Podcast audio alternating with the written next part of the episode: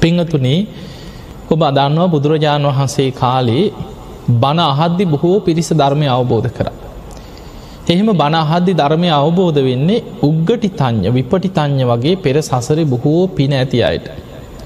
බුද්ධ ශාසනයක් තුළ බුදු කෙනෙක් පහළ වෙනකොට පෙර සසරේ කල්ප ගනම් පින්කරපු අය අතර ඒ පාරමී පුරාගෙන ප්‍රඥා ඉන්ද්‍රිය හොඳට වැඩිච්ච බොහෝ පින් ඇති අය පහළවෙන්න. ඒ අයගේ ඉන්ද්‍රිය ධර්ම දකින නුවන තියෙන බුදු කෙනෙකුට විතරයි සාරිපුත්ත හාන්දුරන්ටවත් නෑ. බුදුරජාණන් වහන්සේට කෙනෙක් දිහා බලලා ඉලක්කෙට හරියටම ඉන්ද්‍රිය වැඩෙන විදිහට දහම් දෙසන්න පුළුවන්. එහෙම බණ අහද්දී සමහරයක ගාථාවහල ධර්මය අවබෝධ වුණ. එක ගාථාව කොටසක් ඇහෙනකොට ධර්මය අවබෝධ වුණ. සමහරුන්ට පුංචි උපක්‍රමයක් දුන්නේ. ඒ තමයි දැ චුල්ල පන්තක හාන්දුරන්ට පොඩි උපක්‍රමයක් දුන්නේ. රෙදි කඩක් පිරිමදින්. චුල්ල පන්තක හාන්දුරුවෝ අසූ මහ ශ්‍රාවකයන් වහන්සේලා අතර මනෝමේ ශරීර මවන භික්‍ෂූන් වහන්සේලාගෙන් අග්‍රම කෙනා. එතකොට ධර්මය සඳහන් වෙනවා අසූ මහා ශ්‍රාවක තනතුරක් ලැබෙන්නේ කල්ප ලක්ෂයක් පෙරුම් පුරන්න ඕනැකෙන සසරි. හැබැයි එච්චර පෙරුම් පුරාගෙන ඇවිල්ලා. තමන් රහත්වෙන ඒ අසූ මහා ශ්‍රාවක තනතුර ලබන ආත්මෙත් උන්වහන්සේට එක ගාථාවක් පාඩන් හිටින් නැතුව කාලයක් තිබ්බා. එදකොට මතක තියාගන්න රහත් වෙන්න පින තිබ්බයිමේ. එක ගාථාවක් පාඩන් හිටින්නේ. ගාථාව පළවෙනි පේලිය බොහොම අමාරුවෙන් කියවල කියවල හිතට ගන්නවා ඊළඟ පේලිය කියවනකොට අරටි අමතකයියයි. උත්සාහ කරා කර අවුරුදු ගානක් එක ගාථාවක් පාඩන් හිටින්නේ. හැබැයි උන්වහන්සේගේ වැඩිමහල් සහෝදරයා මහා පන්තක පැවිදි වෙලා රහත් වෙලා මහා පන්තක මහරහතන් වහන්සේ. තමන්ගේ අයළඟට ගිහිල්ල කිව්වා ස්වාමීනයේ මං බොහොම සද්ධාවෙන් පැවිදි වුණේ. හැබැයි මට ගාථාවක්කත් පාඩන් හිටින් නෑ කියෝ. කොච්චර උත්සාහගත්තත් එක ගාථාවක්කත් මට මතක තියාගන්න බෑ කියෝ. එතකොට මහා පන්තක මහරහතන් වහන්සේ කියනවා මල්ලි ඔයාට පිනාඩු ඇති. ගාථාවක්කත් පාඩන් හිටින් නැත්නක් කොහොමද යහෝ මේ ධර්මය අවබෝධ කරන්න. ඒ නිසා ගිහිල්ලා පිනක් කරගන්න සිවුරු ඇල්ල යනේ කොහොඳයි කිවමීට වැඩිය. දැන් ඔන්න දීප උපදෙස. දැන් කවුද මේ උපදෙස දුන්නේ. අයියා මහා පන්තක මහරහතන් වහන්සේ නමන් නිකං කෙනෙක් නෙමේ. ඒ වෙලාවෙ චුල්ල පන්තක හාන්දුරු සිවුරු අරන්න කැමති නෑ. උන්වහන්සේ විහාරයේ එක පැත්තකට වෙලා බොහෝම දුකෙන් අඩා අඩා ඉන්න. බුදුරජාණන් වහන්සේ එතනින් යනගමන් දැක්කා. චුල්ල පන්තක මොකද මේ මෙහෙන්න කියවා. එක්කං ගියා බුදුරජාණන් වහන්සේගේ ගන්ධ කුටියට. එක්කං ගිහිලැව මොකද චුල්ල පන්තක දුකෙක්. හනේ ස්වාමීණී භාකතුන් වහන්ස මහා පන්තක ස්වාමීන් වහන්සේ ගාථාවක්කත් මට පාඩන් හිටින් නැති නිසා සිවුරු ඇල්ල ගිහිල්ල පිනක් කරගන්න කියව.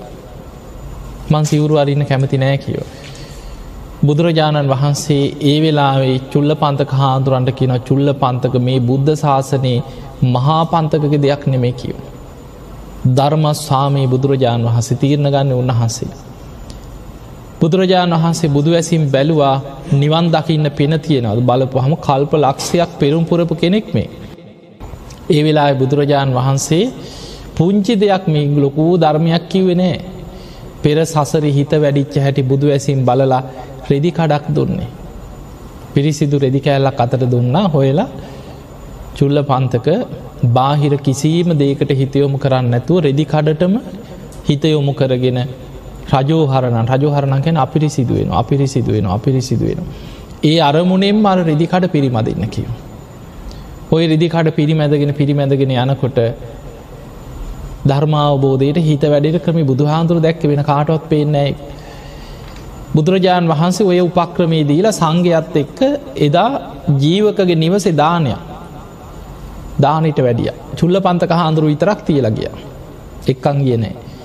සියලු සංඝයා දානට වැඩියා බුදුරජාණන් වහන්සේ නිවසට වැඩම කරලා දැන් බොහොම සද්ධාවෙන් ජීවක දානි බෙදන්න සූදානන් වෙනකොට බුදුරජාණන් වහන්සේ පාත්තරය වැැහු අති.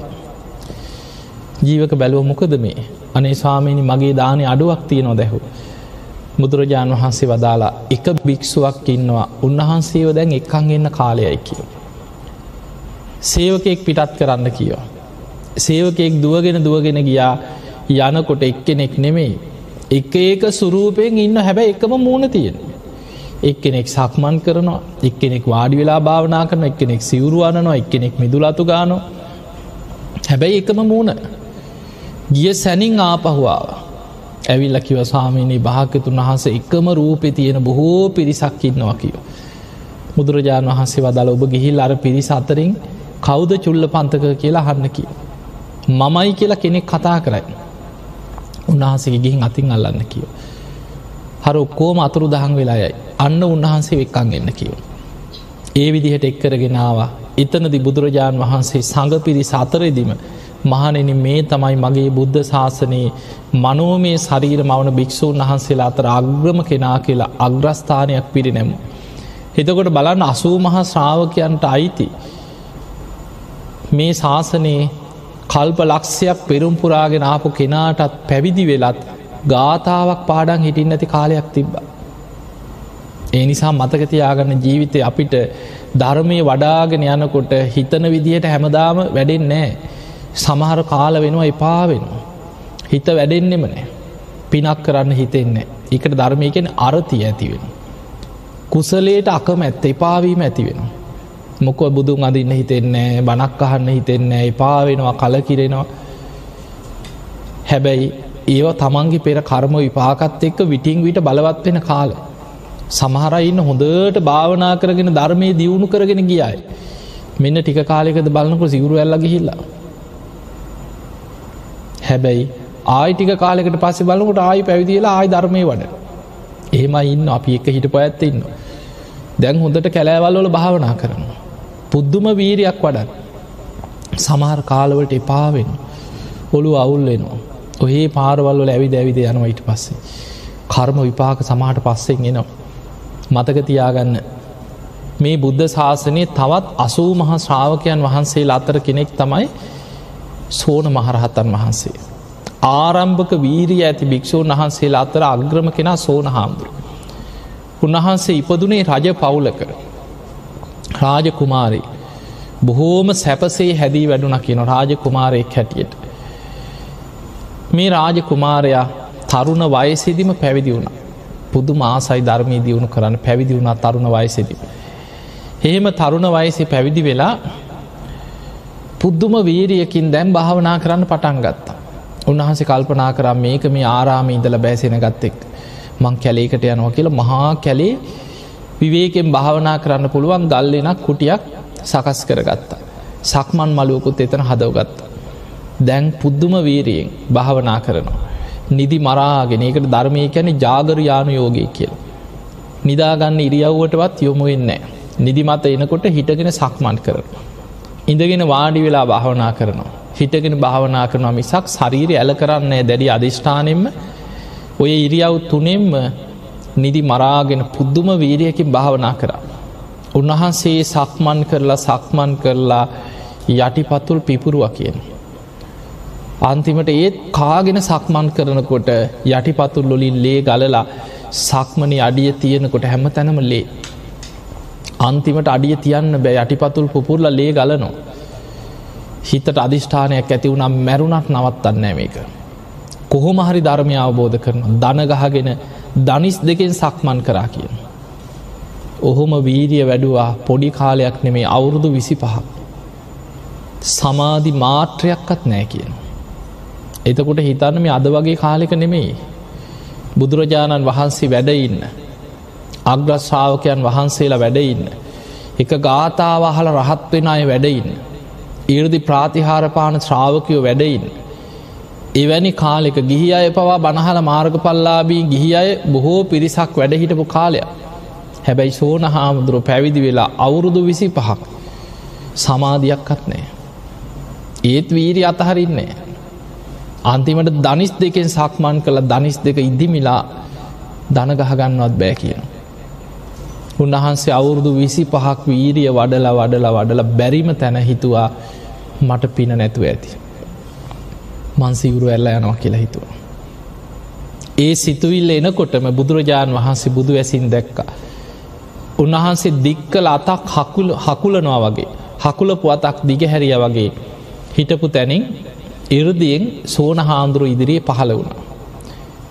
පහළ වෙලා ඇහුව සෝන ඔබ සිවුරුවරන්න හිතුව නේද කියලැහු.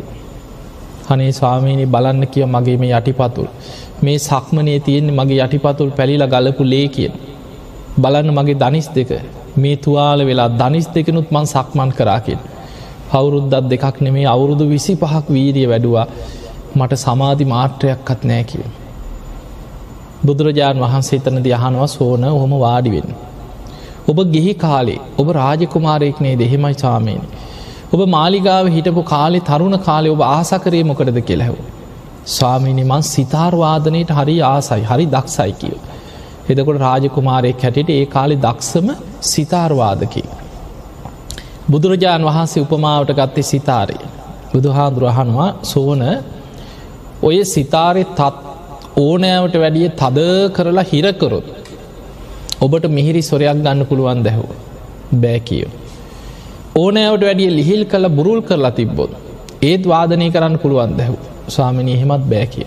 එහෙමනා සෝන ඔබ කොහොමද සිතාර් වාදනය කරේ කියලැහු. ස්වාමීනී වැඩිපුර තද කරන්නෙත් නැතු ඕනෑවට වඩා බුරුල් කරන්නෙත් නැතුව සුසර කරලා අවශ්‍ය ප්‍රමාණයෙන් තමයිකව වාදනයට මිහිරි හඬක් කෙන විදිහට ඒ තත් තද කරන්න. බුදුරජාණන් වහන්සේ වදල සෝන ධර්මාබෝධයට වීරියත් ඔය විදිහට අවශ්‍ය විදිහට පාලනය කරගන්න කියව. ඕනෑවට වඩා කලබලයක් දැඩි වීරියකට ගිය ගමන් හිත උද්දච්චිට යනවාකි. කලබලට මොකුත් කරගන්න බෑ කියන අපි. ඒ වගේ කලබලේ භාවනා කරන පුද්දුම හදිසිය කොහමහරි නිවන් දක කොහොමර නිවන් දකිනවා කිය. ඒ කලබලෙත් එක හිත උද්දච්චට විසිරෙනවා. අරමුණ අල්ලන්න බෑ භාවනා නිමිත්ත හිත පිහිටන්න හිත විසිරෙන.